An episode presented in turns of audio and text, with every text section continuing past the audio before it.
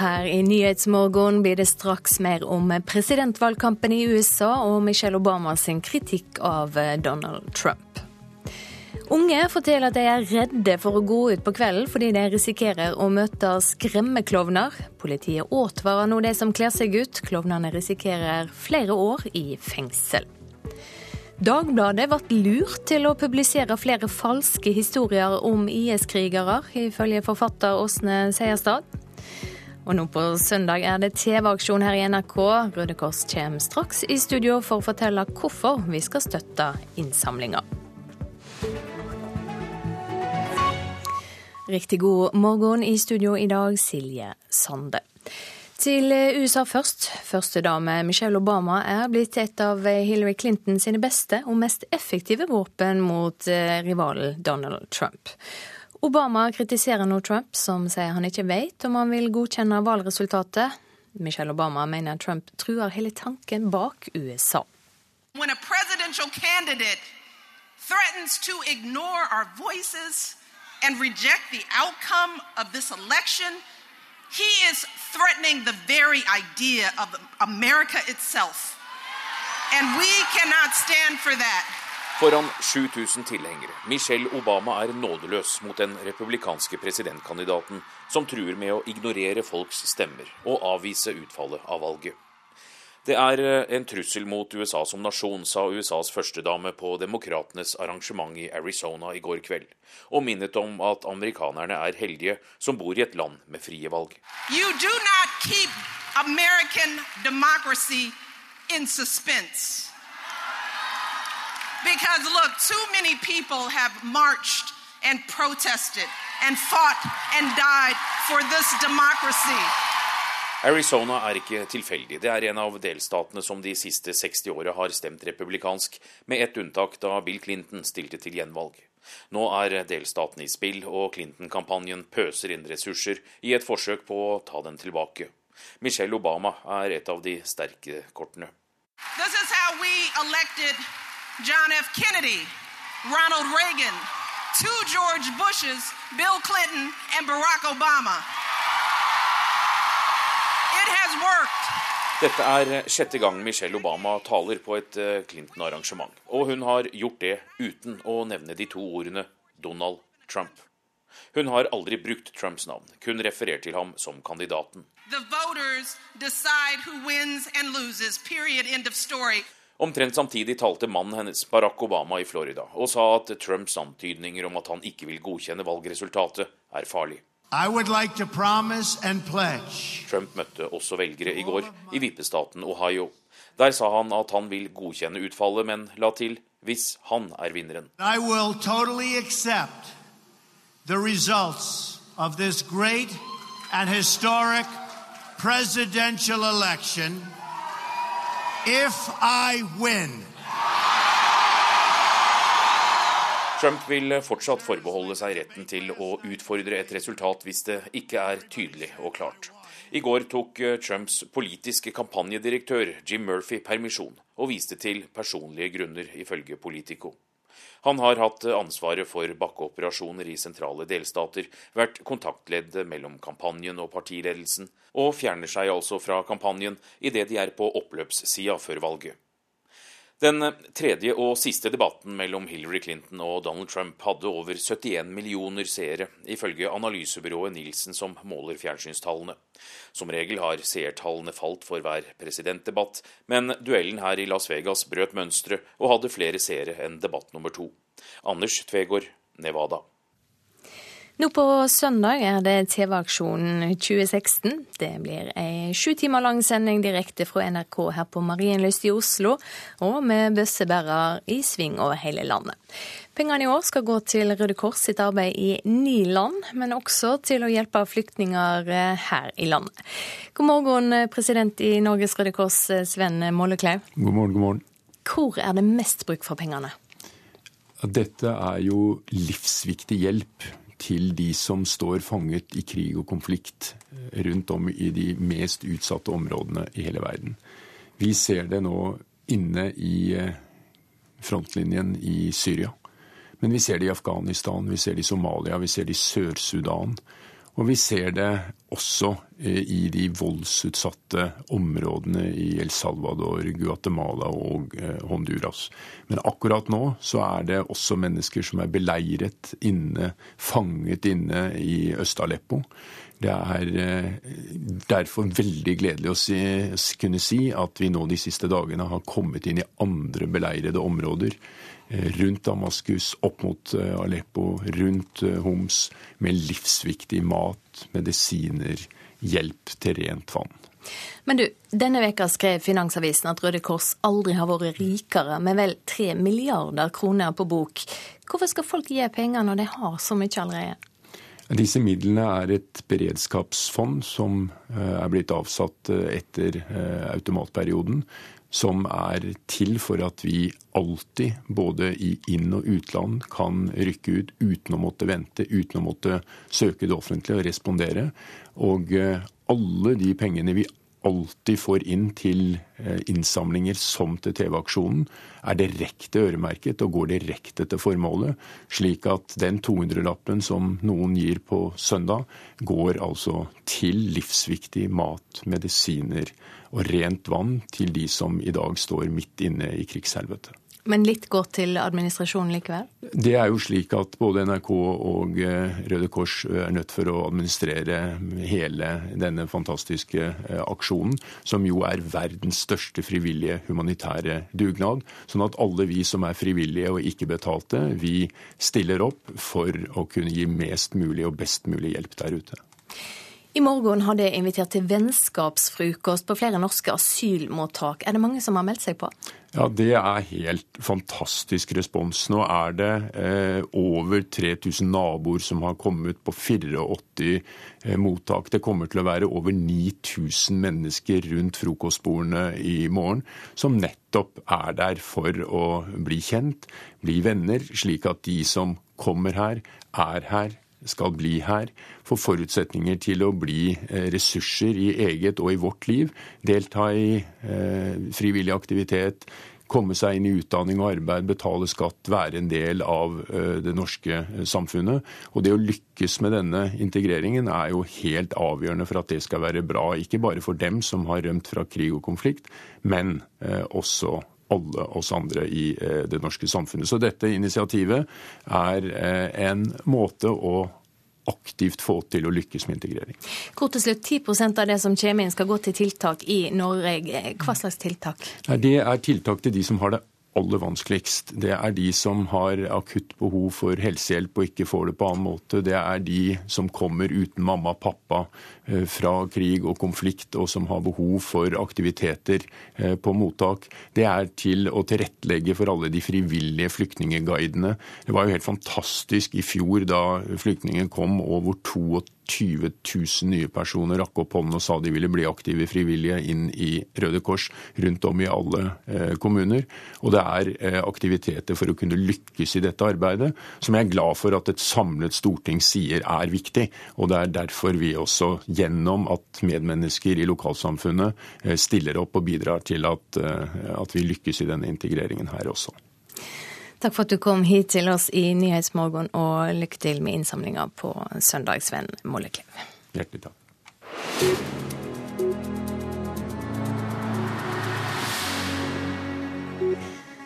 Den siste tida har vi sett flere tilfeller av folk som kler seg ut som klovner og går ut for å skremme andre. Nå sier flere unge at de er redde for å gå ut på kvelden.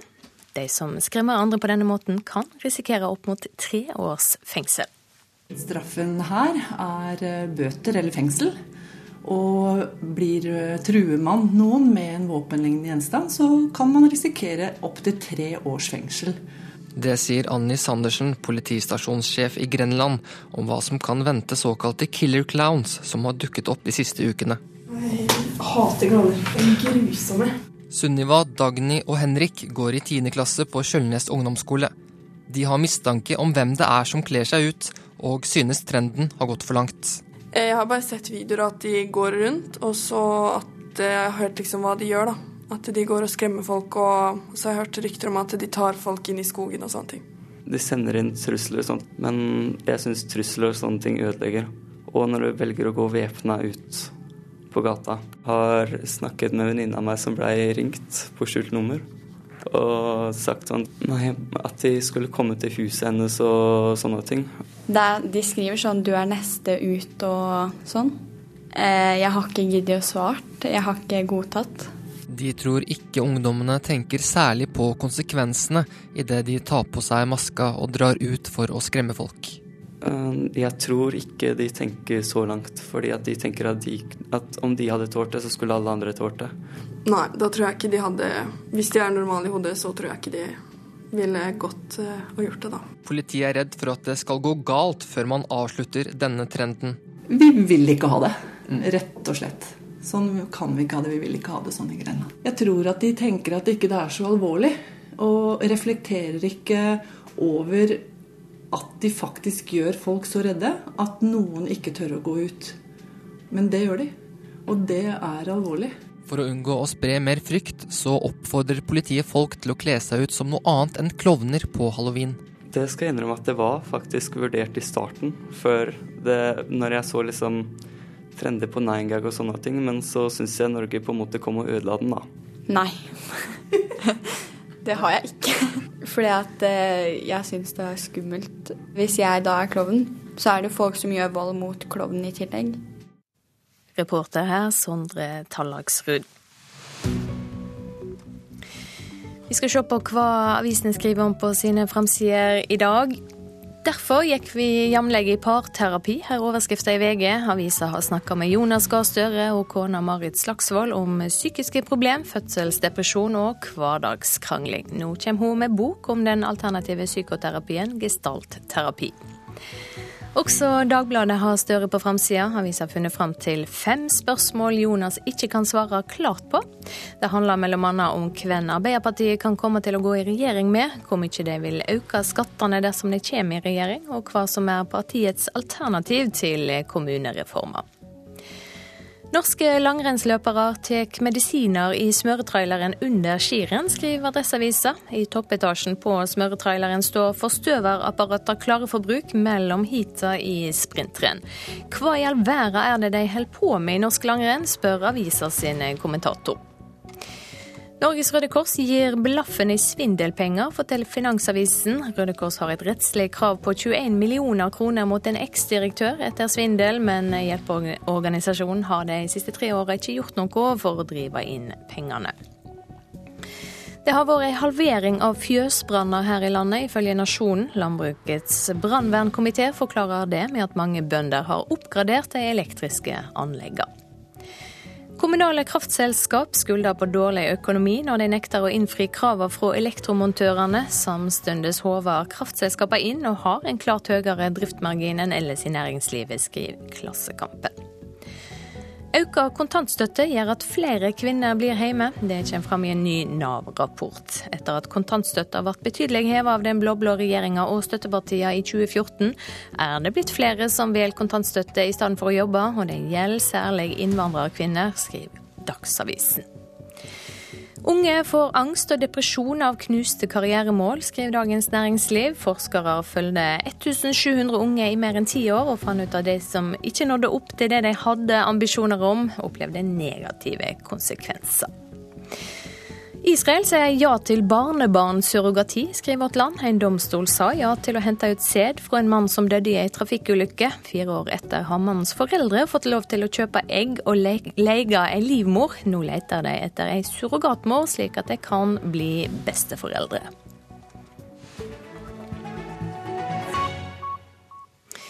Skal vi ha sport, og det skal handle om langrenn. De norske rutinene når det gjelder antidopingarbeid er om lag som i andre land. Det sier trener for allround-laget i langrenn, Tor Arne Hetland.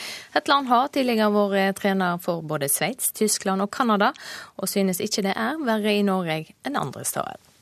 Jeg oppfatter ikke rutinene så, så veldig forskjellige. Alle prøver å forholde seg til eh, reglementet og, og Eh, ja, gjør så godt som de kan.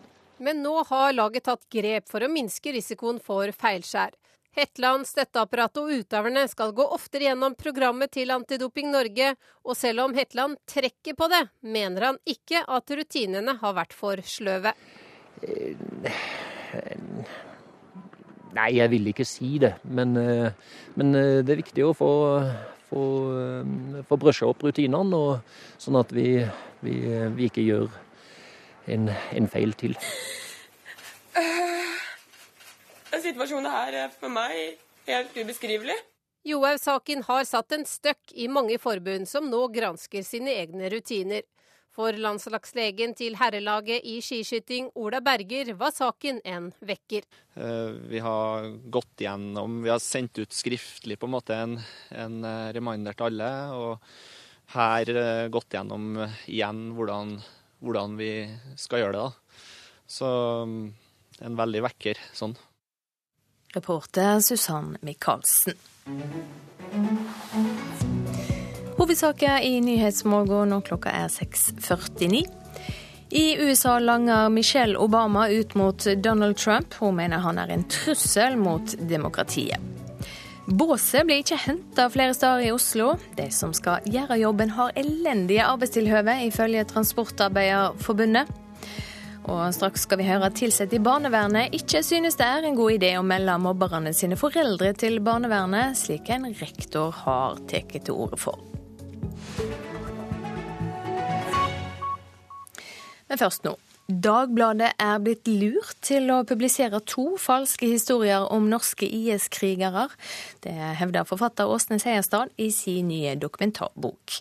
Boka handler om eh, de to søstrene som i 2013 eh, drog fra Bærum til Syria for å slutte seg til IS. Ifølge Seierstad skal faren deres ha finansiert sin desperate kamp for å hente dem hjem igjen, bl.a. ved å selge Dagbladet bilder og oppdikta historier. Hun er kritisk til avisa sin kildekritikk. Politiet frykter to norsk-somaliske jenter fra Bærum har kommet seg inn i Syria. Tenåringene er meldt savnet. Det har gått tre år siden norske medier først omtalte saken om de to søstrene som ennå ikke har kommet hjem. I sin nye bok To søstre forteller nå Åsen Seierstad om flukten deres og om farens jakt på dem. I boka kaller hun søstrenes far rent ut dikteren Sadik, og viser til to konkrete Dagbladet-forsider som hun hevder er basert på hans falske tips, noe han selv benekter. Nei, vi lurte ikke. Dere lurte ikke Dagbladet? Nei. Dette mener avisas nyhetsredaktør Frode Hansen at det er alvorlige anklager. Ja, det fremsettes noen eh, feilaktige opplysninger i boka, og disse opplysningene har ikke Seierstad eller forlaget presentert for Dagbladet konkret. Og vi har heller ikke fått anledning til å korrigere eller kommentere dem. Eh, det stemmer f.eks. ikke at PST avviste de helt sentrale opplysningene i saken og det er selvsagt uriktig, slik det påstås i boka, at Dagbladet har røpet en kilde. Hansen mener også at de ikke har fått muligheten til å gjøre et intervju med Seierstad om det som kommer fram i boka. Altså, Det er helt feil. De sa at de ikke ville la seg intervjue? Ja. Kan ikke komme i etterkant og si de ikke har fått muligheten til å svare. Sier Åsne Seierstad og forteller. Jeg kontaktet de to journalistene som har byline på eh, de sakene som eh, inneholder feilaktige opplysninger. Eh, de har fått muligheten til å svare på dette. Seierstad sier at alt i saken om den norske IS-bøddelen er feil, og at saken om de 272 IS-krigerne er ren skremselspropaganda, og forteller nå om hennes møte med PST. Så fikk jeg vite at eh, de var blitt eh, oppringt av Dagbladet med denne saken, men de hadde sagt vi er litt i tvil om sannhetsgehalten i dette. Fordi kilden er pappaen fra Bærum, eh, det er Sadik. Hansen mener selv at de jobber godt og kildekritisk med informasjon fra og i Syria, selv om det er vanskelig å få bekreftet informasjonen fullstendig. Og understreker at det er viktig at de er transparente i saken. Og i går skrev de en beklagelse i saken om den norske IS-bøddelen. Eh, har Dagbladet da gode nok kildekritiske rutiner? Det mener jeg vi har, eh, absolutt. Eh, og I dette tilfellet her, som jeg sa, så er det på det rene at eh, bildet var tatt i en annen sammenheng. og Det er vi formidla, og det beklager vi. Denne reportasjen var laga av Nikolai Voldsdal og Emra Sene. Og Vi skal snakke mer om denne boka. Med oss i studio nå NRKs litteraturkritiker Knut Hoem. Du har lest boka til Åsne Seierstad, 'To søstre'. Vi hørte litt av historien her. Hva handler boka om? Den handler om to unge jenter som eh, reiste ut på det vi kanskje kan kalle en islamistisk dannelsesreise. Eh, de skulle til det de mente var en, et paradis på jorden, et kalifat i Syria, og der er de jo fortsatt. Men det begynner jo med at de setter seg på flyet til Tyrkia den 17. oktober i 2013, og så følger vi de da fra de vokser opp i en eh, somalisk familie på Kolsås i Bærum og ser i utgangspunktet ut som alle andre tenåringsjenter i Oslo, men så begynner de etter hvert å tildekke seg mer og mer, og begynner å henge ut med miljøene i Islamnett, og begynner etter hvert å sverme for islamisten i profetens umma. Åsne Seierstad har tidligere skrevet om Afghanistan, Tsjetsjenia og Serbia, sist om Anders Behring Breivik. Hvordan vil du si at hun lykkes denne gangen? Dette er en bok som eh, har en del fellestrekk med bokhandleren i Kabul, som jo er Seierstads eh, så store suksess. Eh, vi er jo fluer på veggen hos denne familien på Kolsås, og dette er jo et veldig effektivt litterært grep, som brukt riktig fungerer veldig godt, og det gjør det i denne fortellingen. Det er en veldig, veldig gripende historie. Det er en veldig oppleves som veldig sentral i forhold til å se hvordan krigen i Syria får sine forgreininger til det lille landet som vi bor i. Eh, og så er det jo også mitt inntrykk av at den grad at faktasjekkingen som eh, Seierstad, har drevet med i denne runden, er på et annet nivå. Og kildebehandlingen er på et annet nivå denne gangen enn det var i forbindelse med bokhandelen i Kabul. Ja, for Seierstad har jo tidligere fått kritikk for å skrive såkalt litterær journalistikk. altså Som du sier, at hun dikter seg inn i hodet på det hun skriver om. Her skriver hun at eh, barna sin far tipsa Dagbladet om falske historier, som vi hørte, eh, noe både han og Dagbladet nekter for. Hvor sikre kan vi være på at eh, historiene er sanne?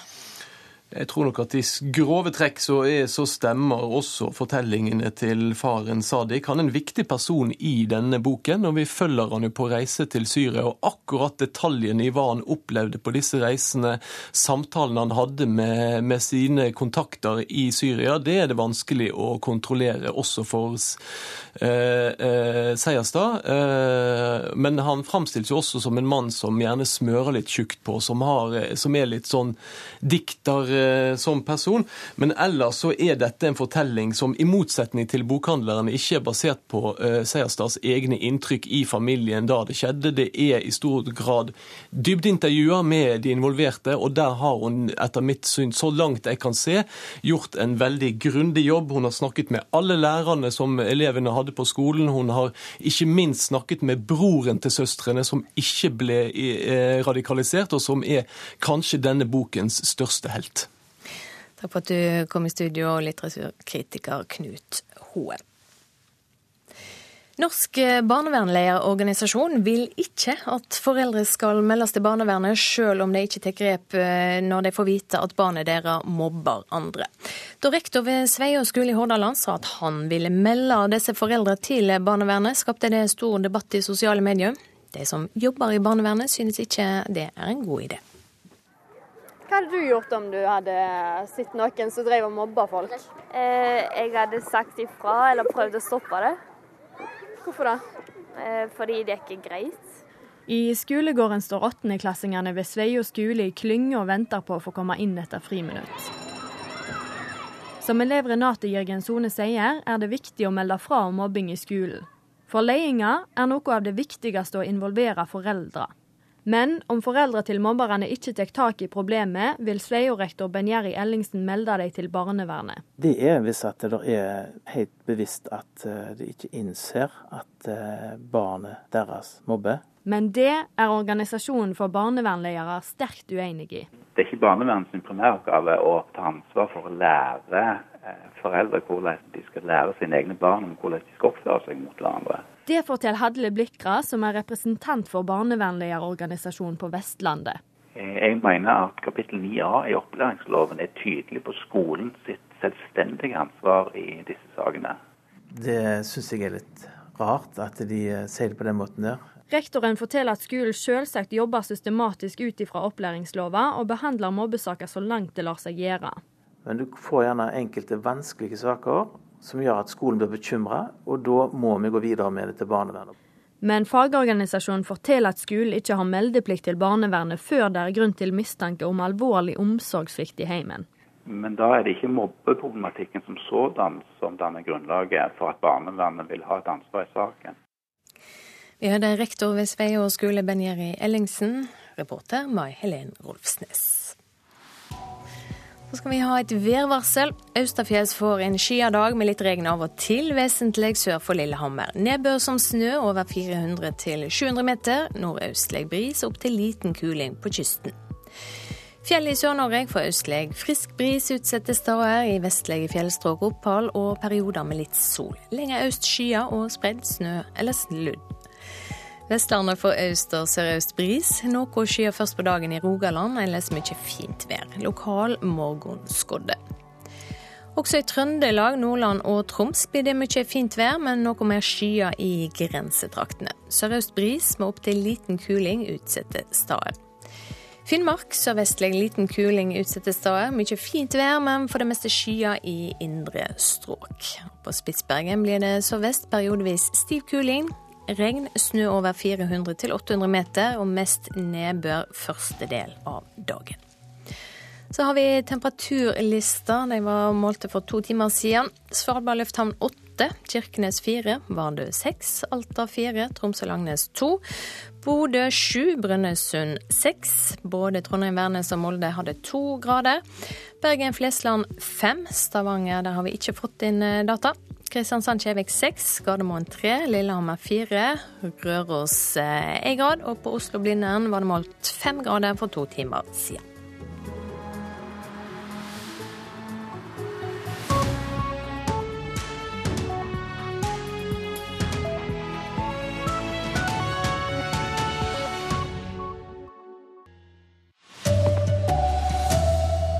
Det er pelsdyropprør i Høyre. Flere vil nå avvikle hele næringa.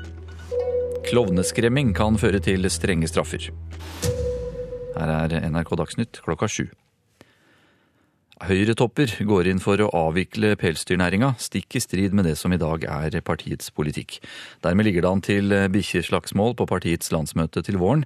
Stortingsrepresentant Tina Bru sitter i Høyres programkomité, vil jobbe for at partiet snur i denne saken. Jeg ønsker at eh, Høyre skal gå inn for at det er på tide å avvikle pelsdyrnæringen. Dette er et standpunkt som jeg har tvilt meg frem til. Det har ikke vært noe lett sak for meg. Jeg representerer selv Rogaland på Stortinget, som er et eh, pelsfylke. Men for meg så handler det om at jeg eh, har landet på den konklusjonen at det er ikke mulig å oppnå tilfredsstillende dyrevelferd innenfor denne næringen, og da er avvikling den eneste veien fremover. Søppel flyter mange steder i Oslo, og renovasjonsarbeidere jobber opp mot 14 timer i strekk hver dag. Det påstår Transportarbeiderforbundet.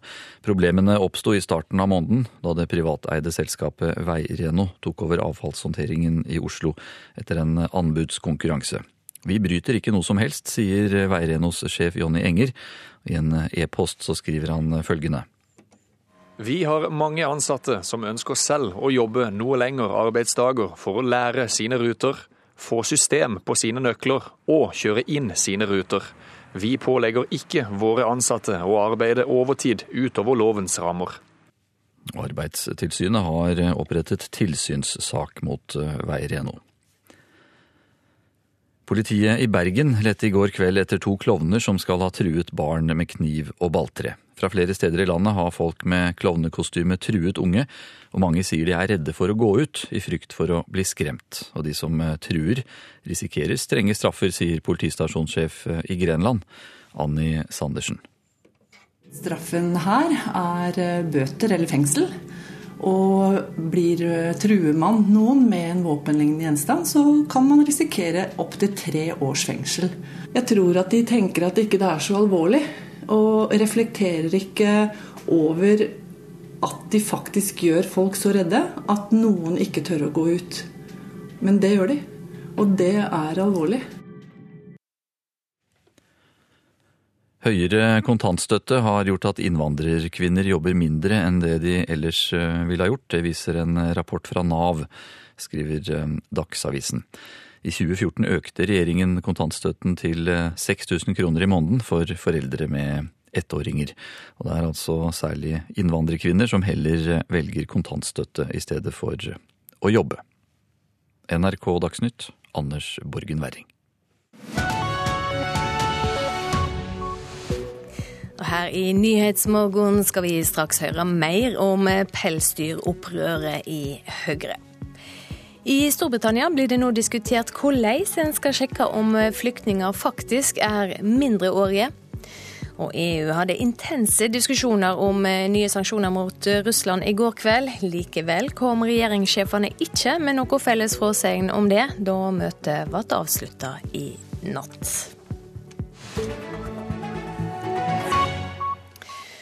Flere topper i Høyre går altså inn for å avvikle pelsdyrnæringa, stikk i strid med det som er partiet sin politikk i dag. Dermed kan det bli heftig debatt om dette på landsmøtet til våren. Tina Bru sitter i programkomiteen for Høyre. Hun jobber for at partiet skal snu i denne saka. Jeg ønsker at eh, Høyre skal gå inn for at det er på tide å avvikle pelsdyrnæringen. Dette er et standpunkt som jeg har tvilt meg frem til. Det har ikke vært noe lett sak for meg. Jeg representerer selv Rogaland på Stortinget, som er et eh, pelsfylke. Men for meg så handler det om at jeg eh, har landet på den konklusjonen at det er ikke mulig å oppnå tilfredsstillende dyrevelferd innenfor denne næringen, og da er avvikling den eneste veien fremover. Det er bare noen dager siden NRK nok en gang kunne vise stygge bilder av skadde dyr fra en av Mattilsynets inspeksjoner. Flere av dyrene hadde så store sår at de måtte avlives. For å være helt ærlig, når det siste eksempelet kom nå, så ble jeg rett og slett forbannet. Fordi nå har vi hatt så mange runder med en næring som har lovet bot og bedring, og som ikke har gjort noen endringer. Sier Henrik Asheim, han er en av flere profilerte høyrepolitikere som støtter Bru. Ja, Det er fordi pelsdyrnæringen baserer seg på å ha rovdyr eh, fanget i bur. Eh, og Det som både Veterinærforeningen og EUs veterinærforbund sier, det er at det er uforenlig med dyrevelferd. Også Stefan Heggelund mener nok er nok. Vi har hørt det igjen og igjen hver gang vi ser disse bildene, at de skal ta grep. Men hvor er disse grepene? Hvorfor ser vi disse bildene igjen og igjen og igjen? Og Det er derfor jeg har kommet til den konklusjonen at nå får nok være nok. Tina Bru tar altså dissens i denne saken, noe som betyr at det blir avstemning på Høyres landsmøte til våren. Det ligger an til en opphetet debatt. Jeg tror nok dette kommer til å bli en av de sakene som blir heftig debattert, ja. Det er jeg ganske sikker på. Sier næringspolitisk talsperson Gunnar Gundersen. Selv står han fast på dagens politikk. Jeg har et prinsipielt standpunkt, og det skal veldig godt gjøres å bevege meg bort fra det. På at vi legger ikke ned næringer, og særlig ikke eksportrettede, lønnsomme næringer som vi vet kommer til å eksistere samme hva Norge gjør. Han mener pelsdyrnæringen har gjort en god jobb. Jeg syns faktisk at næringen også har gjort en kjempejobb. Men, men som jeg sier, altså næringen er én ting. Enkeltaktører er noe annet. Og, og det må man eh, skille på. Tina Bru på sin side tror stemningen i partiet kan være i ferd med å snu. Jeg føler at det er en bevegelse i partiet. Det er flere i partiet nå som er mot enn det var før. Eh, og det tror jeg jeg også er et ganske godt eksempel på i seg selv, egentlig. Reportere her Katrin Hellesnes og David Vojeslav Krikling. Og det blir pelsdebatt også i Politisk kvarter i dag, programleder Lilla Sølvesvik. Ja da, vi tar debatten med Høyre mot Høyre, for i denne saken kan det bli Høyres stemmer som kommer til å avgjøre om pelsbransjen har en framtid her i landet. Debatten den kommer faktisk allerede i vinter, for regjeringen skal legge fram en stortingsmelding om saken. Og så fortsetter vi i Politisk kvarter debatten om Lofoten og Vesterålen, for i LO ligger det nå an til flertall på LO-kongressen for vern av havområdene utenfor Lofoten, Vesterålen og Senja. Høyres Tina Bru mener det er en usolidarisk holdning overfor LO-medlemmene i industrien. Hun skal belære Trine Lise Sundnes i Handel og Kontor om solidaritet i Politisk kvarter i dag. Om litt over en halv time.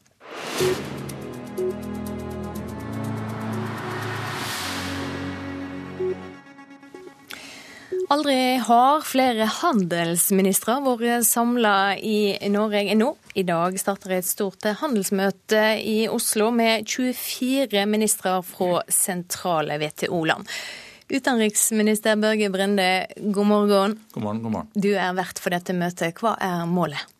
Målet er å sørge for at vi sikrer ny vekst globalt og nye arbeidsplasser i årene fremover.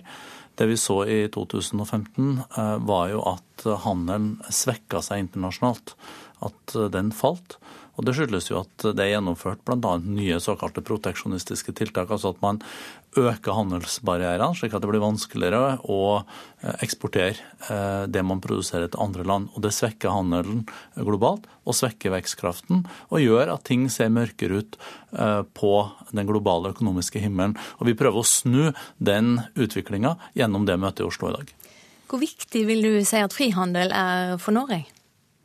Norge har en utrolig åpen økonomi. Vi importerer mye, men så eksporterer vi også veldig mye. Så vi er et av de landene i verden som er mest avhengig av at man har åpenhet eh, når det gjelder eh, handel. Vi er tunge innenfor både telekommunikasjon, skipsfart, maritime mm, servicenæringer, ikke minst fisk, eh, som er en kjempestor eksportartikkel. Og så er vi jo en mellomstor økonomi, slik at det vi er avhengig av, er at det multilaterale handelssystemet, altså gjennom WTO, altså regler som gjelder alle land, som er medlem av WTO, er det som Eh, skal være det som bestemmer. Det jeg er nervøs for, eller bekymra for, da, er jo at vi i tida fremover vil se at de store handelsblokkene lager store megaregionale avtaler hvor vi eh, ikke blir med. Nå kan det også være positivt hvis vi ikke får til noe multilateralt, men enda bedre er det å få det til gjennom WTO, og der er de fattige landene med også. I dag så kommer det mange fattige eh, og utviklingsland til Norge, og de har jo enda mer å tjene på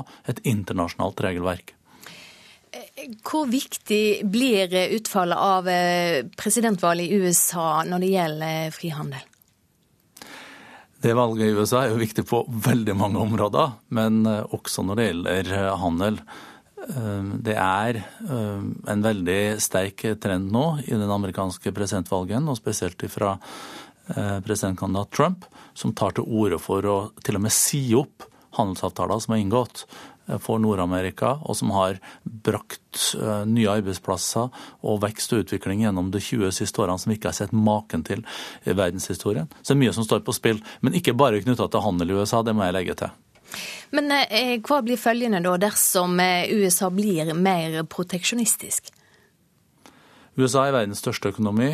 25% av verdensøkonomien. 5% av den globale befolkninga er i USA, så det viser altså kraften i den amerikanske eh, økonomien. Eh, og den vokser jo, i motsetning til mange andre økonomier eh, i verden. Eh, under Obamas ledelse så har man fått amerikansk økonomi på skinnene igjen. Så hvis det skulle komme en amerikansk president, som f.eks. Trump, som gjør alvor av det han sier nå i valgkampen, med å oppheve inngåtte handelsavtaler, så tror jeg det vil svekke vekstkraften i den globale økonomien.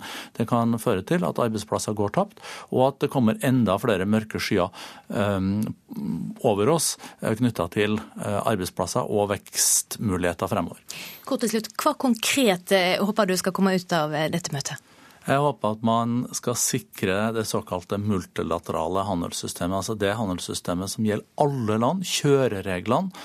Eh, så det ikke bli en utvikling hvor land innfører nye tiltak mot hverandre. Det blir en negativ eh, spiral, og at vi blir enige om at på det neste WTO-ministermøtet, som skal være i Buenos Aires, Argentina neste år, skal man få til eh, enighet om en oppfølging av den såkalte utviklingsrunden i WTO, som sikrer både fattige land, mellominntektsland og alle land et regelverk som sørger for at vi kan fortsette med en historisk vekst vekst og handel som er forutsetninga for den velferden vi har opplevd de 20 siste årene. Takk for at du kom hit til Nyhetsmorgen, utenriksminister Børge Brende. Vi skal til Storbritannia nå. De første mindreårige flyktningene fra den store leiren i Calais i Frankrike kom denne veka til Storbritannia, der de skal bli gjenforent med familiene sine. Men flyktningene hadde knapt kommet fram før det kom til debatt om de var mindreårige eller ikke. Mellom annet er det kommet krav om å sjekke tennene deres for å slå fast hvor gamle de egentlig er. Den svære flyktningleiren Jungelen i Calais i Frankrike er bare drøye tre mil unna Storbritannia. Det er bare den engelske kanalen som skiller. Men svært få har klart å komme seg over den, og svært få har fått opphold i Storbritannia. Så langt. Men ettersom leiren nå skal rives, har Storbritannia forpliktet seg til å ta imot noen av de mange tusen flyktningene som bor der. Storbritannia har sagt at landet kun vil ta imot mindreårige som skal gjenforenes med familie, og de første har kommet denne uken. Og ankomsten ble grundig dokumentert av avis- og TV-fotografer. Flyktningene hadde knapt fått tenkt av seg jakkene før flere tabloidaviser begynte å stille spørsmål ved hvor gamle flyktningene egentlig var, for de så ikke ut som barn. Mange av de største avisene skrev at det som ble omtalt som barn, så ut til å være voksne. Ja, en av dem så ut til å være nærmere 40, skrev flere. Og bråket var i gang. Flere flyktninger mangler identitetspapirer som slår fast alderen, og den ble i stedet fastslått etter avhør av franske myndigheter. Men det var ikke nok for alle. Det konservative parlamentsmedlemmet David Davis ville at myndighetene skulle sjekke tennene på flyktningene, og dermed fastslå alderen, slik at ikke Storbritannias gjestfrihet ble misbrukt. I don't want our hospitality to be abused, and I, and I fear that if we just have a lot of people coming in here who are clearly men debatten og medieoppslagene vekket liv i fotballegenden Gary Lineker. Mannen som har skåret flest VM-mål for England, og som i årevis har vært fotballkommentator hos statskanalen BBC. Han skrev på Twitter at behandlingen av flyktningene var både rasistisk og hjerteløs, og fikk en Twitter-storm tilbake av folk som mente at en privilegert og velholden mann som Lineker burde ti stille, med mindre han hadde tenkt å ta imot flyktninger i sitt eget hjem, da. Andre reagerte på at en av BBCs mest profilerte sportskommentatorer skulle ta side i en omdiskutert sak. Men den nå 56 år gamle fotballstjernen står på sitt. Og regjeringen har avvist blankt kravet om tannsjekk. Men det har på ingen måte stanset debatten, og 100 nye flyktninger kommer snart til Storbritannia. Også de definert som barn. Espen Aas, London.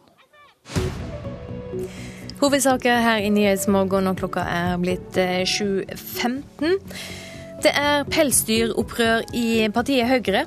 Flere i partiet tar nå til orde for å avvikle hele næringa. Unge forteller at de er redde for å gå ut på kveldstid fordi de risikerer å møte skremmeklovner. Klovnene risikerer flere år i fengsel. Og Båset blir fremdeles ikke henta flere steder i Oslo. De som skal gjøre jobben, har elendige arbeidstilhøve, ifølge Transportarbeiderforbundet.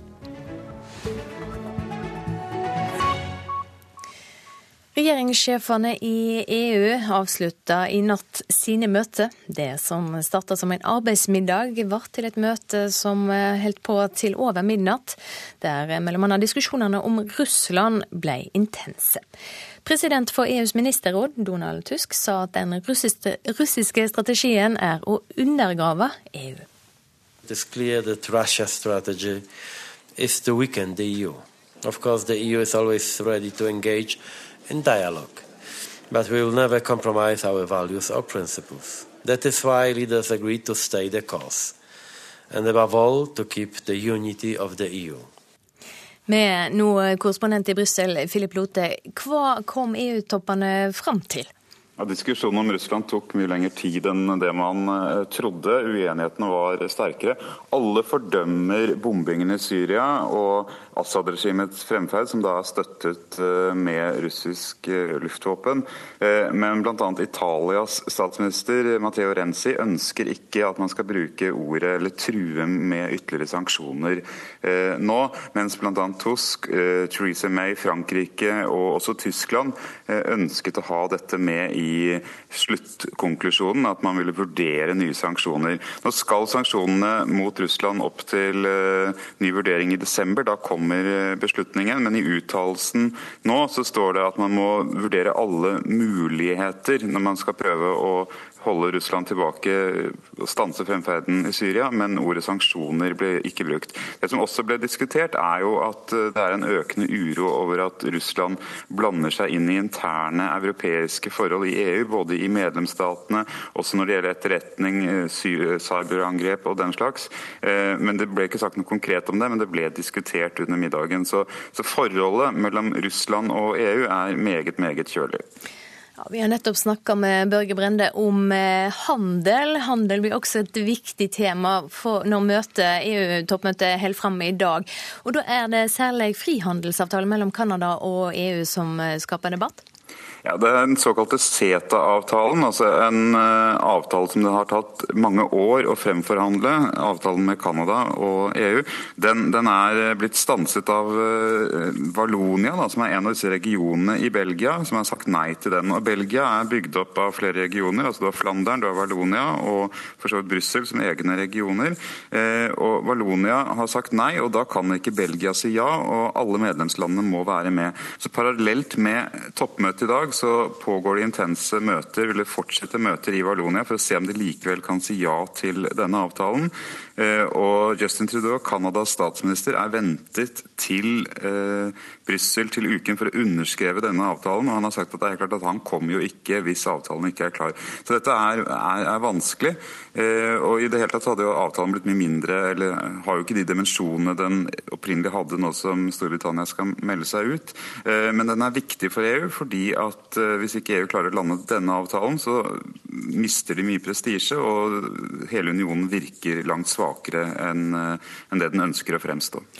Hva annet ble sagt om brexit, altså den britiske utmeldinga av EU? Ja, CETA-avtalen med Canada har jo blitt nevnt som en mulig modell faktisk for Storbritannia. At man kunne tenke seg en eller annen versjon av denne avtalen mellom EU og Storbritannia.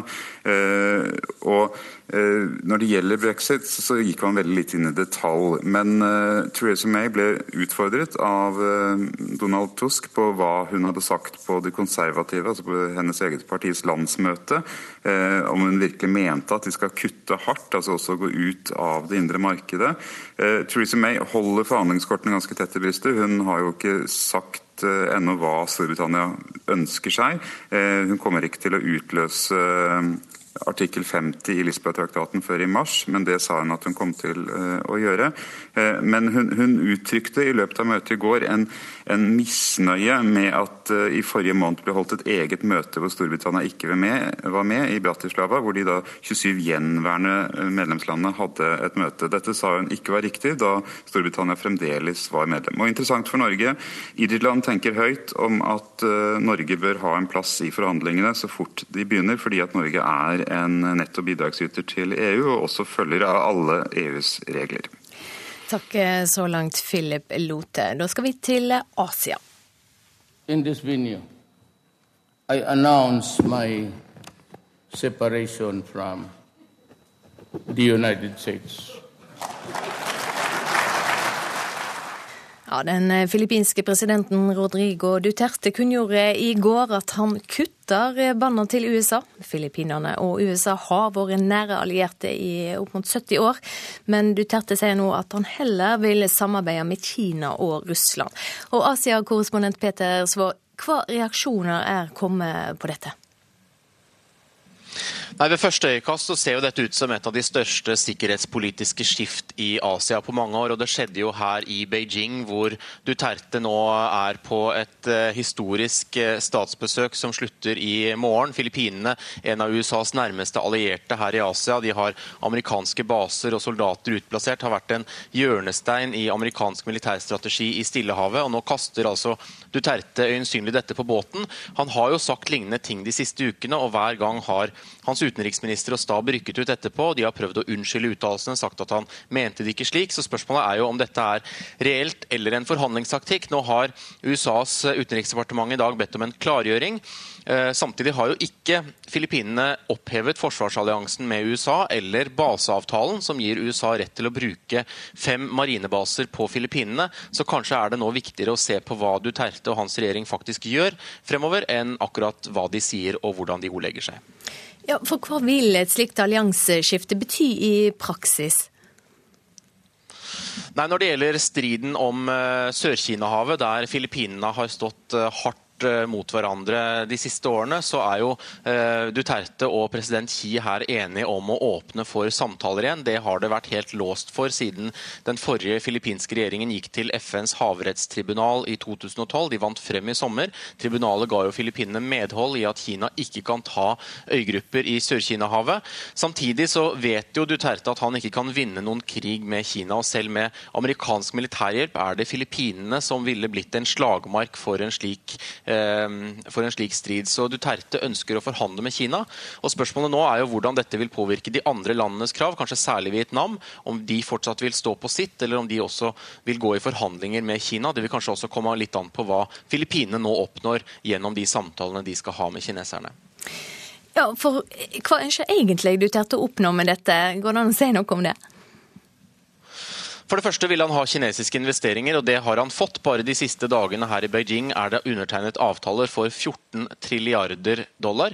Kina skal investere i eh, å modernisere filippinske havner, hurtigtog, kollektivtransport, veier, infrastruktur. Det er ting filippinene sårt trenger, og som de ikke har kapital til å fornye selv, og som nå er helt nedslitt.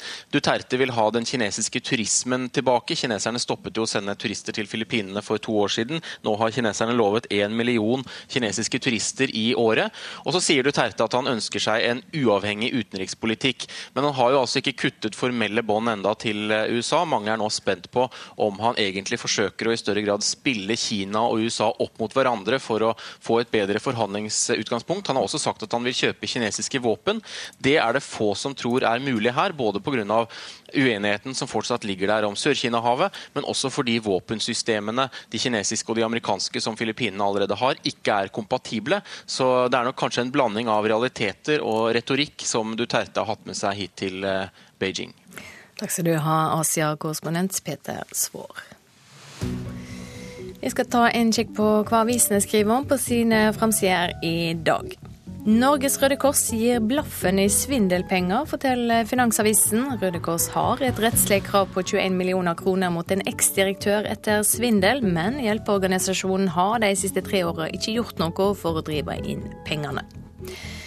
Derfor gikk vi jevnlig i parterapi, er overskrifta i VG. Avisa snakka med Jonas Gahr Støre og kona Marit Slagsvold om psykiske problem, fødselsdepresjon og hverdagskrangling. Nå kommer hun med bok om den alternative psykoterapien gestaltterapi. Også Dagbladet har Støre på framsida. Avisa har funnet fram til fem spørsmål Jonas ikke kan svare klart på. Det handler bl.a. om hvem Arbeiderpartiet kan komme til å gå i regjering med, hvor mye de vil øke skattene dersom de kommer i regjering, og hva som er partiets alternativ til kommunereformer. Norske langrennsløpere tar medisiner i smøretraileren under skirenn, skriver Adresseavisa. I toppetasjen på smøretraileren står forstøverapparater klare for bruk mellom heater i sprintrenn. Hva i all verden er det de holder på med i norsk langrenn, spør avisa sin kommentator. Det har vært en halvering av fjøsbranner her i landet, ifølge Nasjonen. Landbrukets brannvernkomité forklarer det med at mange bønder har oppgradert de elektriske anleggene. Kommunale kraftselskap skylder på dårlig økonomi når de nekter å innfri kravene fra elektromontørene. Samtidig håver kraftselskapene inn og har en klart høyere driftsmargin enn ellers i næringslivet, skriver Klassekampen. Økt kontantstøtte gjør at flere kvinner blir hjemme. Det kommer fram i en ny Nav-rapport. Etter at kontantstøtta ble betydelig hevet av den blå-blå regjeringa og støttepartiene i 2014, er det blitt flere som vil støtte i stedet for å jobbe. Og det gjelder særlig innvandrerkvinner, kvinner, skriver Dagsavisen. Unge får angst og depresjon av knuste karrieremål, skriver Dagens Næringsliv. Forskere følger 1700 unge i mer enn ti år, og fant ut at de som ikke nådde opp til det de hadde ambisjoner om, opplevde negative konsekvenser. Så skal vi til USA. Presidentkandidat Donald Trump ble bua på da han talte på en gallamiddag i natt. Det starta i en hyggelig tone, men så begynte han med personangrep på motkandidat Hillary Clinton i kjent stil.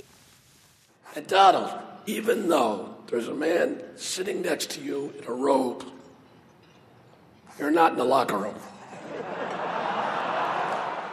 Verten slo an tonen på den katolske tilstelninga. Han minte Donald Trump om at han ikke er i garderoben, sjøl om det sitter en mann med kappe ved sida av han.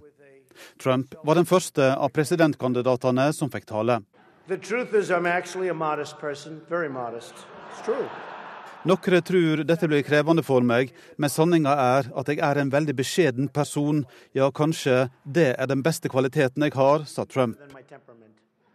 Så gikk han over til å kritisere media. Michelle Obama gives a speech, and everyone loves it. It's fantastic. My wife Melania gives the exact same speech. And people get on her case. Michelle Obama kan holde en tale, og alt er bare fantastisk.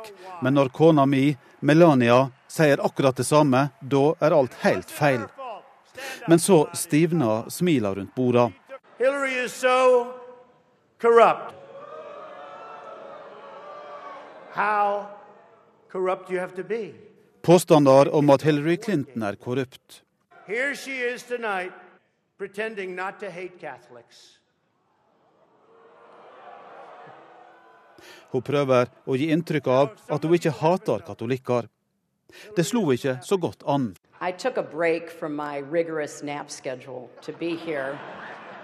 Jeg har tatt en pause fra de strenge søvnrutinene for å være her, og vanligvis tar jeg jo godt betalt for å tale. Og Trump fikk denne beskjeden. Liker du ikke det jeg sier, reis deg gjerne og si feil. Donald, if at any time you don't like what I'm saying, feel free to stand up and shout wrong while I'm talking. Hun slutta med å si etter å ha hørt deg tale i kveld, ser jeg fram til å høre visepresidentkandidat Mike Pence nekte for at hun noen gang har sagt dette. Det sa reporter Eivind Molde. Produsent for Nyhetsmorgen i dag, det er Vidar Eidhammer. Her i studio, Silje Sande.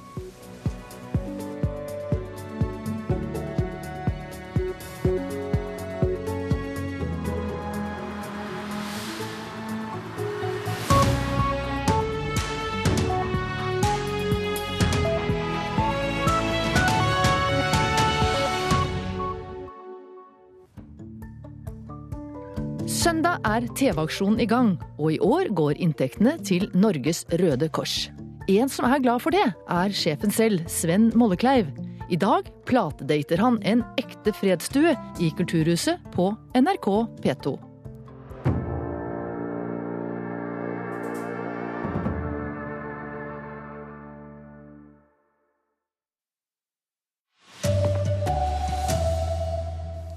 Flere innvandrerkvinner blir hjemme pga. økt kontantstøtte, ifølge ny rapport. Feil, mener KrF. Klovneskremming kan føre til strenge straffer. Donald Trump ble buet ut under gallamiddag.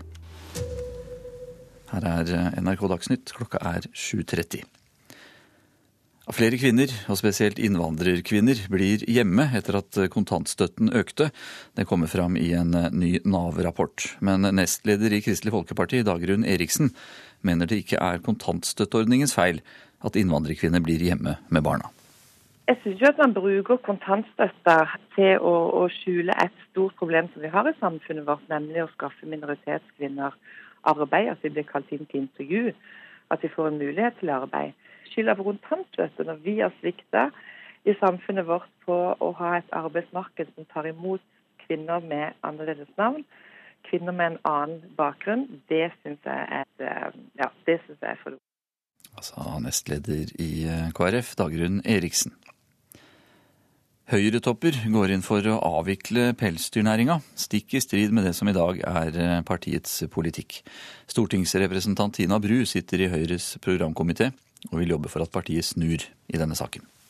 Jeg ønsker at eh, Høyre skal gå inn for at det er på tide å avvikle pelsdyrnæringen. Bru forteller at hun har tvilt seg fram til sin konklusjon. Det er ikke mulig å oppnå tilfredsstillende dyrevelferd eh, innenfor denne næringen, og da er avvikling den eneste veien fremover. Det er bare noen dager siden NRK nok en gang kunne vise stygge bilder av skadde dyr fra en av Mattilsynets inspeksjoner. For å være helt ærlig, når det siste eksempelet kom nå, så ble jeg rett og slett forbannet. Sier Henrik Asheim. Han er en av flere profilerte høyrepolitikere som støtter Bru. Peter Frølich følger opp. Og Da mener jeg at det er på tide å erkjenne at disse rovdyrene er skapt på den måten de er. De passer ikke i bur. Det ligger altså an til en opphetet debatt på Høyres landsmøte. Jeg tror nok dette kommer til å bli en av de sakene som blir heftig debattert, ja. Det er jeg ganske sikker på. Sier næringspolitisk talsperson Gunnar Gundersen. Selv står han fast på dagens politikk. Jeg har et prinsipielt standpunkt, og det skal veldig godt gjøres å bevege meg bort fra det. på at vi legger ikke ned næringer. Tina Bru på sin side mener stemningen i partiet kan være i ferd med å snu. Jeg føler at det er en bevegelse i partiet. Det er flere i partiet nå som er mot enn det var før. Eh, og det tror jeg jeg også er et ganske godt eksempel på i seg selv, egentlig. Reportere her, det var Katrin Hellesnes og David Vojislav Krekling. Søppelet flyter mange steder i Oslo, og renovasjonsarbeidere jobber opp mot 14 timer i strekk hver dag, påstår Transportarbeiderforbundet. Problemene oppsto i starten av måneden, da det privateide selskapet Veireno tok over avfallshåndteringen i Oslo etter en anbudskonkurranse. Veireno sier de opererer godt innenfor lovverket. Det vi vet er at de jobber eh, langt utover normal arbeidsdag, helt opp i 13-14 timer. Og I begynnelsen første uka så var, vet vi at det var noen som jobba også opp i 18 timer. Sier forbundssekretær med ansvar for renovasjon i Transportarbeiderforbundet, Ole Einar Adamsrød. Han eh, hevder renovasjonsarbeiderne faktisk jobber så mye at arbeidsgiveren deres, nærmere bestemt Oslos nye renovasjonsselskap Veireno, bryter både avtaler og lovverk. Vi snakker med tillitsvalgte, vi snakker med medlemmer, og det er de som eh, forteller oss eh, livets realitet. Men sjefen i Veireno, Jonny Enger, avviser at de bryter noe som helst. I en e-post skriver han følgende. Vi har mange ansatte som ønsker selv å jobbe noe lengre arbeidsdager for å lære sine ruter, få system på sine nøkler og kjøre inn sine ruter. Vi pålegger ikke våre ansatte å arbeide overtid utover lovens rammer. Likevel er nå også Arbeidstilsynet koblet inn i denne saken. Regiondirektør i Østfold og Akershus, Hanne Luten, bekrefter at de oppretter tilsynssak. De som har tipset opp nå, mener at det kan gå utover sikkerheten og helsen til de ansatte i Veireno. Og vi syns at dette tipset er av en sånn karakter, med tanke på de ansattes arbeidsforhold, at vi kommer til å gjennomføre et tilsyn mot dette firmaet med det første. Reporter Knut Martin Løken. Nesten 500 mennesker er drept i bombingen av den syriske byen Aleppo. Det sier FNs generalsekretær Ban Ki-moon. Russiske og syriske kampfly begynte å bombe byen da den syriske offensiven startet 22.9. Luftangrepene er de mest intense noensinne i den eh, over fem år lange krigen, sier Ban Ki-moon. Russland stiller seg undrende til utplasseringen av amerikanske spesialsoldater på Værnes. Det sier den russiske ambassaden i Oslo til Adresseavisen. 300 soldater fra spesialstyrken US Marines skal utplasseres på Værnes. Og soldatene kan være på plass allerede i januar.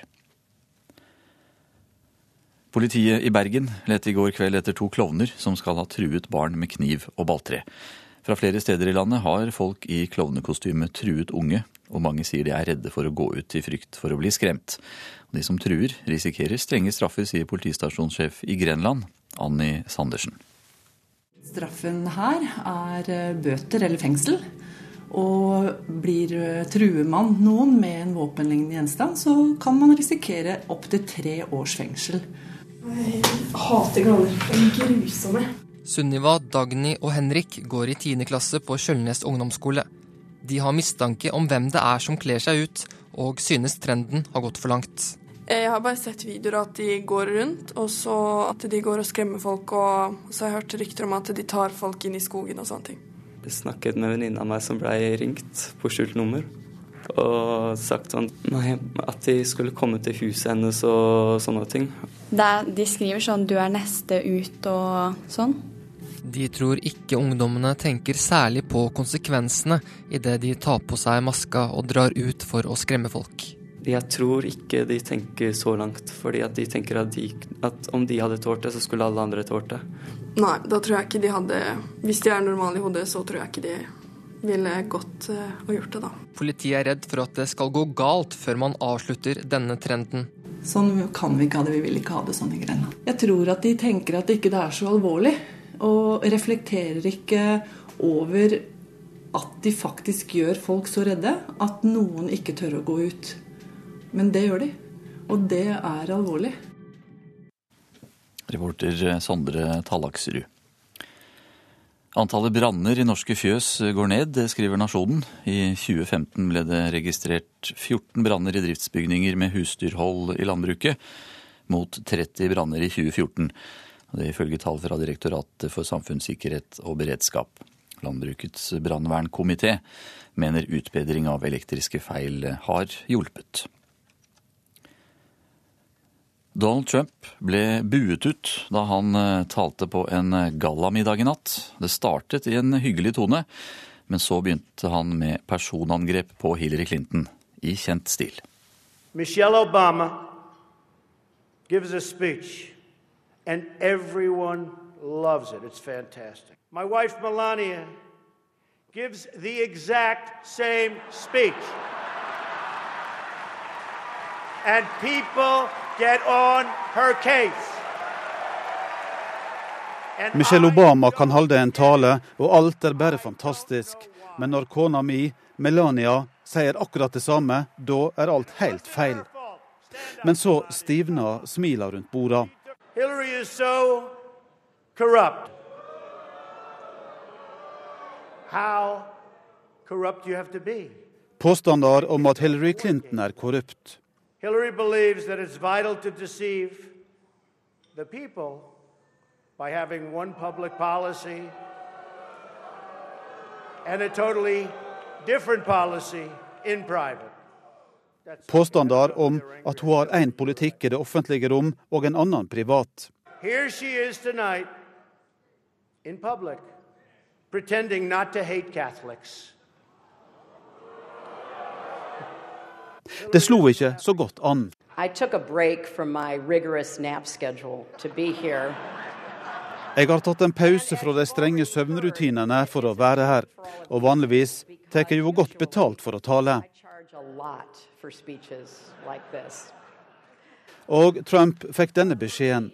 Liker du ikke det jeg sier, reis deg gjerne og si feil. Donald, if at any time you don't like what I'm saying, feel free to stand up and shout wrong while I'm talking.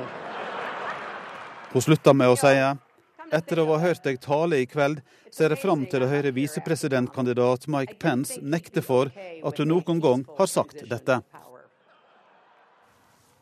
Var eh, utenriksmedarbeider eh, Eivind Molde som hadde laget dette innslaget. Erlend Rønneberg har ansvaret for NRK Dagsnytt i dag. Jeg heter eh, Anders Borgen Werring.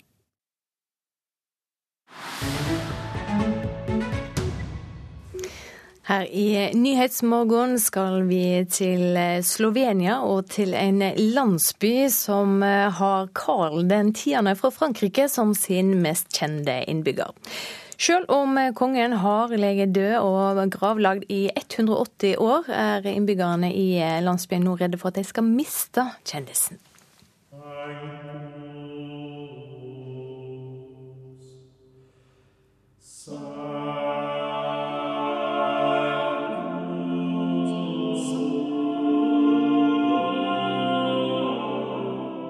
I et staselig fransiskanerkloster fra 1600-1700-tallet er han stedt til hvile. På en frodig høyde med utsyn over byen er han begravet. Et portrett av monarken henger på veggen og viser et rolig brunt blikk, en rojalt rett nese og noen sølvfargede krøller som er pent gredd på plass. Han var konge av Frankrike fra 1824 til han måtte gå av som følge av julirevolusjonen i 1830.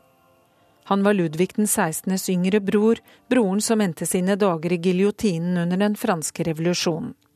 Etter Napoleon var det en annen bror som overtok. Også han het Ludvig, men han var den 18., og da han døde sønneløs, var det altså Karl 10. som steppet inn. I Paris har det vært en gravplass klar for Carl i snart 200 år. Ce qu'on veut, c'est réunir la famille dans cette crypte des Bourbons où il y a déjà Louis XVI, Marie-Antoinette, euh, Louis XVIII. Vi vil samle familien i krypten hvor Ludvig den 16., Marie Antoinette og Ludvig den 18. allerede er begravet, sier Philippe Delame til Reuters. Han er lederen for en fransk historieforening som har tatt initiativ og har bedt om at kongens levninger blir sendt tilbake til Frankrike. Karl 10. er nemlig den eneste franske kongen som ikke er begravd i hjemlandet. Selve kongsgjerningen hans varte i bare seks år, og etter at han ble kastet fra tronen, bodde han i mange forskjellige europeiske byer, så endte han altså i Goritza, i det som den gang var Østerrike. Ja, mi za to pobudo smo zvedeli iz medijev. Kongen har ligget begravet her i 180 år. Det er en del av vår arv, og det var hans siste ønske. Han valgte byen som sitt siste hvilested, sier ordfører Mate Jarkon. Bare noen dager etter at han var kommet til Goritsa, fikk kongen kolera og døde av sykdommen i løpet av året. Fra sykesengen hadde han utsikt over åsbakkene rundt byen, og han skal ha sagt at han ønsket å bli begravet der. I klosteret ligger flere i familien, sønnen, barnebarn og svigerdatter. Hvert år kommer rundt 10 000 turister for å besøke kongens grav. De fleste kommer fra Slovenia. Guiden Miriam Bresel forteller at kongens hjerte nå også er begravet her, etter å ha vært på en liten rundreise.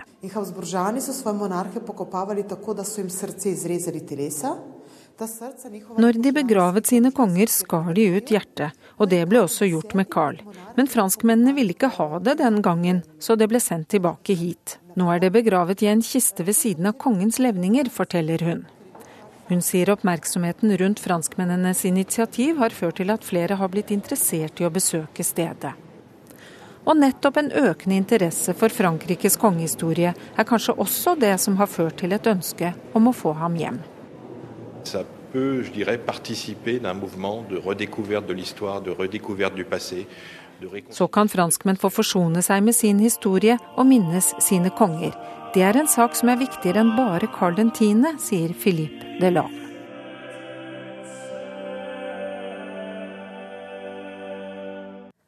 Denne reportasjen var laga av Marit Kolberg. Klokka nærmer seg 7.45. Hovedsaker hos oss i Nyhetsmorgen. Flere innvandrerkvinner blir hjemme pga. at kontantstøtta har gått opp, ifølge en ny Nav-rapport. Det er ikke kontantstøtta som gjør at mange innvandrerkvinner blir hjemme, svarer KrF.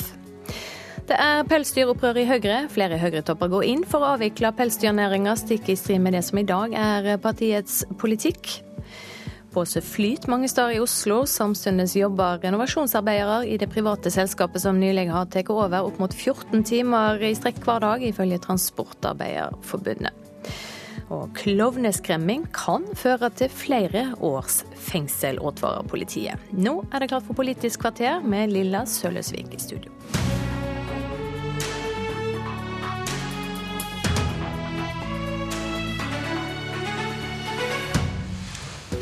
Det går mot flertall i LO for å verne Lofoten og Vesterålen. Usolidarisk, mener Tina Bru i Høyre. Hun ber LO tenke på medlemmene sine i oljeindustrien. Og mye tyder på at pelskåper må bli liggende i skapet i år også. Det går mot ny, heftig pelsdebatt. Men for tre måneder siden så satt vi her med lederen av Fagforbundet som snakka for varig vern av Lofoten og Vesterålen. Siden så har flere LO-forbund kommet på banen. Sist ute var dere i Handel og Kontor, forbundsleder Trine Lise Sundnes, velkommen. Takk skal du ha. Og nå er det flertall blant dem som skal på LO-kongress til våren for å verne Lofoten og Vesterålen og Senja, som ofte glemmer, for oljeutvinning. Betyr det at dere kommer til å vedta det? Du, Det er riktig det at vårt landsmøte har sagt et uh, klart uh, ja til uh, vern av Lofoten, Vesterålen og Senja. så må man nok ta det som et signal på at det er en økende miljøbevissthet i befolkninga. Det er kjempebra. det er jo litt, litt morsomt også når kritikken kommer fra, fra Høyre, er at man har klaga på at LO er for lite miljøbevisste, og når LO blir miljøbevisste, så er jaggu det gærent også. Men kan ikke du bare avklare aller først, når det er et flertall flertall blant delegatene som skal på LO-kongressen for vern. Betyr det at eh, LO-kongressen kommer til å vedta vern av Lofoten Vesterålen? Det betyr at LO-kongressen kan vedta det fordi flertallet er klart. Men eh, LO og LOs forbund har en lang tradisjon på å diskutere seg fram til gode løsninger og kompromisser som gjør at man kan få en styrt avvikling eh, over tid. Hvor mye kommer du til å jobbe for dette, da? Jeg er forplikta av de vedtakene vårt landsmøte setter, dette og andre. Så det er klart at eh, jeg kommer til å være aktiv i den debatten. Eh, og jeg kommer også til å prøve å søke gode løsninger sammen med andre LO-forbund. Hvorfor kaller du forbund, LO-forbund som handler kontor for usolidariske, Tina Bru? Du er andre nestleder i miljø- og energikomiteen. Det er først og fremst fordi at det er eh, mange tusen medlemmer i LO som jobber i den industrien, som er medlem i andre forbund, som f.eks. Industri Energi. Eh, og jeg tror at dette vil oppfattes ganske dramatisk for de, hvis LO skulle nå ende med å til slutt gå inn for at man skal ha et varig vern av Lofoten Vesterålen. Men verre enn det, til og med, gå inn for en, en linje som, som, legger opp til en styrt avvikling av oljeindustrien.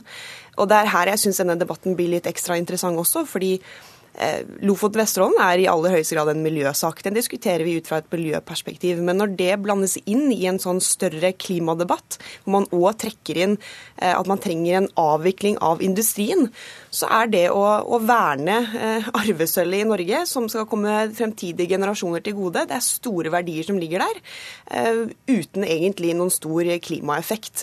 Vi vet at det vi må gjøre i verden, er faktisk å redusere etterspørselen etter olje. At vi struper ned tilbudet her vil ikke forandre det, men det vil frata masse mennesker, ikke minst LO-medlemmer, jobben sin. Og Derfor men, er dette usolidarisk. Mm. Jeg er helt uenig her, fordi nå snakker vi ikke om å stenge området, vi snakker om å si nei til åpning av nye. I tillegg så syns jeg det er ganske spesielt at Høyre snakker om usolidarisk eh, knytta til å skape arbeidsplasser. Under eh, denne regjeringen så er det altså 140 000 arbeidsledige. Eh, det burde vel kanskje være usolidarisk at regjeringen faktisk ikke gjør mer for å snu den utviklinga. Men det er vel sånn Trine Lise Sundnes, at også lederen i Industri Energi, som et LO-forbund, tror at et vernevedtak vil gjøre det mye vanskeligere å konkurrere om nye LO-medlemmer? Det eh, er ikke så rart at lederen av Industri Energi eh, mener. Men eh, hvis vi ser på arbeidsplassene eh, nordpå, så er det sånn at eh, vi vil eh, det, Man antar at man vil kunne skape mellom 400 og 1100 arbeidsplasser dersom man åpner for boring i Lofoten, Senja og Vesterålen. allerede i dag så representerer marin, marine næringer og, og turistindustrien vel 6500 arbeidsplasser. Eh, og eh, rapporten eh, fra Utvikling i nord viser at dette kan øke. Fraflyttinga i Lofoten er snudd. Unge mennesker blir. Eh, så det er mye positivitet, og man kan ikke på en måte dra en sånn tilnærming om at det ikke er andre typer arbeidsplasser nordpå, eller at nord kommer til å forvitre hvis man ikke åpner for boring. Men har Tina Bru rett i at det er ikke bare Lofoten og Vesterålen dere skal verne? Dere vil eh, egentlig stoppe olje, altså sette på oljebremser på andre områder også? Vi mener, eh, og det burde jo også denne regjeringa si noe om, hvordan skal de kutte utslippene fram mot 2030? Hvordan skal de innfri Parisprotokollen? Eh, foreløpig så er det lite fra den eh, kanten i forhold til hvordan de skal ta de norske forpliktelsene og ansvaret. Ja, kanskje du svarer litt på det, Tina Bru. Ja, for hvis du ikke skal ta oljeproduksjon og ikke skal øke, skal gjøre det særlig mye billigere eller dyrere for oss å kjøre bil, jo, men... så blir det kanskje vanskelig? vi må ha med oss en ting som er ganske viktig her. og Det er at uh, olje- og gassektoren er en del av EUs kvotesystem. Innenfor det systemet så skal utslippene reduseres med 43% frem mot 2030 i samarbeid med EU. Det betyr at taket er satt på utslipp i den sektoren uansett. Det kommer til å gå ned. Og Men hvordan kommer du til å gjøre dette hjemme? Det handler om at oljeindustrien i Norge da annet må enten da kjøpe kvoter, eh, eller så må de redusere utslippene selv for at vi skal nå det målet i EU. Ja, Og det gjør de jo også i aller høyeste grad. Og så skal vi gjøre masse innenlands som handler om transportsektoren osv. tenker du på? Nei, De har jo selv egne planer for å kutte utslipp ytterligere eh, ved energieffektiviseringsprogrammer osv., så, videre, så de gjør mye. Men mitt poeng er hun utfordrer meg på hva med de arbeidsløse. Ja, jeg tenker jo nettopp på de arbeidsløse, og det er derfor jeg ikke forstår denne linjen. Hvis man skal gå inn for varig vern, man skal gå for en styrt avvikling av industrien over tid, da, altså Hvorfor har man mye ledighet i Norge nå? Det er jo fordi at det er oljenæringen som sliter, og at prisen har falt, og folk mister arbeidet sitt. Ja, og vi har en regjering som ikke evner nei, å gjøre noe med ikke, det. Nei, det stemmer ikke i det hele tatt. Men hvis man da ikke legger til rette for nye områder, eller ikke legger til rette for at denne næringen skal kunne være der i fremtiden, ja, da snakker du ledighet, da. Hva er det du mener da med tid til omstilling? Hvor mener du at disse menneskene som jobber i den industrien skal gå nå de neste ti åra, bare over natten? Du har jo ikke noe svar på det heller. Disse medlemmene Rådene til Leif Sande Industri og Energi de sliter eh, på bakgrunn av den politikken denne regjeringen ikke fører. Eh, så komme her og snakke om å sette arbeidsgrupper opp mot hverandre blir jo litt, litt tullete. Spørsmålet er jo hva, hvordan bruker dere Fordi eh, dere har jo en tilnærming hvor, hvor omstillingen skal gå via ledighet. Vi mener jo at dere må nå satse på nye næringer og ny vekst i nord. Og hvordan gjør dere det? Og der mener jeg at eh, dere fremdeles ikke har svart på spørsmålet. Hvordan satser dere på nye næringer i nord? Og det spørsmålet skal du få svare på i en annen sammenheng. Jeg tror også vi kan love at det blir flere Lofoten og Vesterålen og Senja-debatter i dette studioet. Nå skal vi skifte tema og flytte oss til en pelsdyrgård, faktisk. Det er eh, døde mink som ligger slengt rundt omkring på farmen. Det er eh, mink som angriper hverandre. Avbitte ører, avbitte haler. Ja, vi hører litt eh, ekle lyder her fra en minkdyrfarm. Det er en dyrevernaktivist på tokt her, og det har vi hørt og sett bilder av igjen og igjen. Denne uka hørte vi Mattilsynet her i NRK Dagsnytt si at de har avdekka regelbrudd i halvparten av tilsynssakene. Og nå, Tina Bru, nå snakker du som medlem i programkomiteen i Høyre. Nå syns du at næringen har fått nok sjanser? Ja, jeg står bak en dissens i eh, Høyres eh, forslag til nytt eh, program om at jeg ønsker at vi skal gå inn for å avvikle pelsdyrnæringen. Og Det er ikke et standpunkt jeg har kommet frem til på en enkel måte. Det er ikke basert på eh, oppslag vi har sett i avisene med fæle bilder og sånne ting. Det, en, det, har vært en prosess for meg, og det bygger i stor grad på den NOU-en som kom om næringen for eh, halvannet år siden. Eh, Så og, bildene biter ikke på deg, det er NOU-er som biter mest? Det betyr, det betyr mye, det òg. Men jeg synes det er, når du skal behandle fremtiden til en hel næring, så kan du ikke basere deg på enkeltoppslag. Eh, jeg har selv besøkt pelsfarmer. Det er langt fra alle som har sånne forhold på sine farmer som det man ser. Det betyr ikke at det ikke er helt uakseptabelt, det vi ser. Men som politiker så må du faktisk ta stilling til hele næringen. Um, og Min konklusjon er bare det at jeg tror uansett hva slags regelverk man har, og uansett hvor strenge krav man setter, så vil man aldri klare å oppnå tilfredsstillende dyrevelferd for sånne type dyr i denne type fangenskap. Så det er der jeg har landet på, på min konklusjon.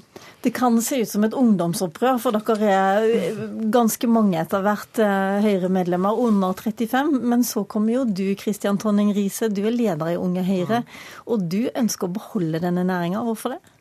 For meg så, så skurrer det veldig øh, med Høyres næringspolitikk å skulle peke på én bestemt næring og si at vi skal gå inn for en styrt uh, avvikling uh, av den. Mener vi må kunne behandle pelsnæringen sånn som vi behandler alle andre næringer. At vi går inn og ser på hvilke aktører er det som driver seriøst, hvilke er det som driver useriøst. Og så må vi eventuelt da komme med sanksjoner mot uh, de som driver useriøst. Hvis det er kravene det er noe i veien med, at vi ikke stiller strenge nok krav på enkelte områder, så må vi jo se på det og se hvordan kan vi da endre, endre kravene. Eh, men å på en måte bare peke på en næring man, man ikke liker, og så si at, eh, at den skal man avvikle, det syns jeg blir litt useriøst.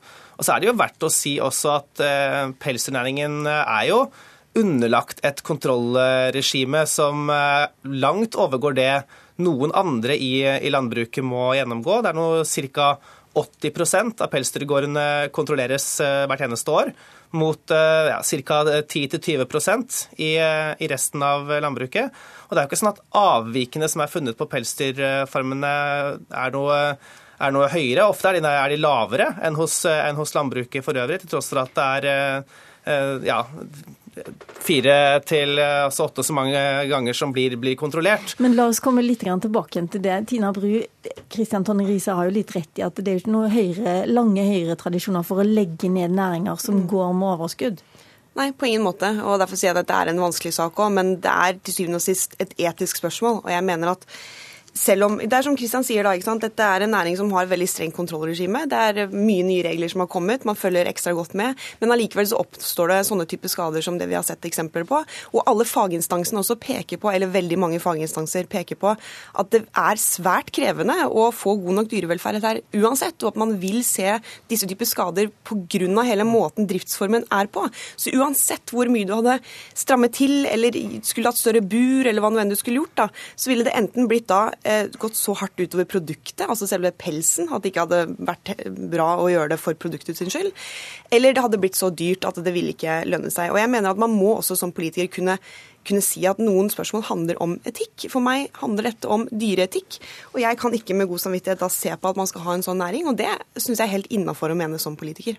Etikk? Jo, men Skader forekommer jo også i, i annet eh, husdyrhold. Hvis vi tar den saken som vi har gått i media nå de siste eh, dagene, og som jeg også ble kvalm når jeg så disse bildene av eh, denne minken blant annet, som hadde satt seg fast i, i et rør og fått, og fått, sår som ikke bonden hadde oppdaget, og som da måtte, måtte avlives. Men når vi går og eh, Man får et litt skjevt bilde når man leser en sak, og du har liksom disse bildene over overskriften, og så får du inntrykk av at dette er den generelle situasjonen på, på denne gården. Og det her var jo et skrekkeksempel.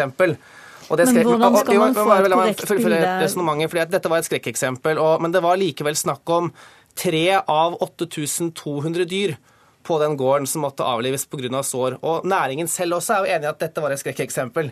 Eh, men det, jeg syns at det er, et, det er et moment som det er verdt å ha med seg. Dette er en næring som driver veldig seriøst. Og når, måte, når det er når, eh, når verstingeksempelet man kan finne fram, er tre av 8200 dyr som har fått så store skader at de må avlives, så sier det noe om at jeg tror ikke pelsnæringen pelsdyrnæringen står tilbake for veldig mye av dyrevelferdfokuset man har på annet husdyrhold i landbruket. Jeg er enig med Kristian på det, men Kristian, kan vi ikke også være enige om at eh, når faginstansene, altså Veterinærinstituttet, Veterinærforeningen, Rådet for dyreetikk, også Mattilsynet. Det de kritiserer på denne næringen, er at de òg stiller spørsmål ved om det er mulig å oppnå tilfredsstillende dyrevelferd. Ja, her har man klarer veldig uenighet også blant, eh, blant veterinærene. Man ser jo at de veterinærene som, som, som, jobber med produksjonsdyr, er jo gjennomgående mye mer positive ja, til pelsdyrnæringen. Hvorfor vil du ikke høre på faginstansene? Du har selv vært ute og kritisert bl.a. Senterpartiet for å ikke ville lytte til eksperter. Her sier alle ekspertene at det er svært krevende jo, det, å få god dyrevelferd. Det er dette som er feil. Alle vil du ikke høre på det? Alle ekspertene sier jo ikke det. Og her er jo veterinærene også veldig delt. Man ser jo at de veterinærene som faktisk gjerne jobber med produksjonsdyr, er jo gjennomgående ganske positive til læringen. Mattilsynet sier jo at halvparten er regelbrudd av det de har sett jo, de har funnet avvik på ca. halvparten. Men hvis man ser på altså, tallene til Mattilsynets rapporter, så er det jo avvik på I 2016 så er det avvik på 38 eh, av, av minkårene og 24% med rev. Men det er altså 24 hos fjørfe. På sau så er det 40% på storfe er det 35% på svin er det 39 okay, Så det er jo altså, det, ligger ganske, det er en næring som ligger ganske på linje med også annet husdyrhold når det gjelder avvik. Tina Bru, det ligger ikke an til at du får flertall? Det blir en hard debatt i Høyre, men eh, vi får eh, stå på for saken vår, så får vi se. Vi får følge med på debatten. Først blir det en debatt i forbindelse med at landbruksministeren skal legge fram en stortingsmelding om næringa, og siden blir det debatt på Høyres eh, landsmøte. Det er bare å følge med, bl.a. her i Politisk kvarter, som selvfølgelig alltid følger med. I dag var det Lilla Sølhusvik som hadde ansvaret for denne sendingen. Hør oss igjen på mandag. Hør flere podkaster på nrk.no Podcast.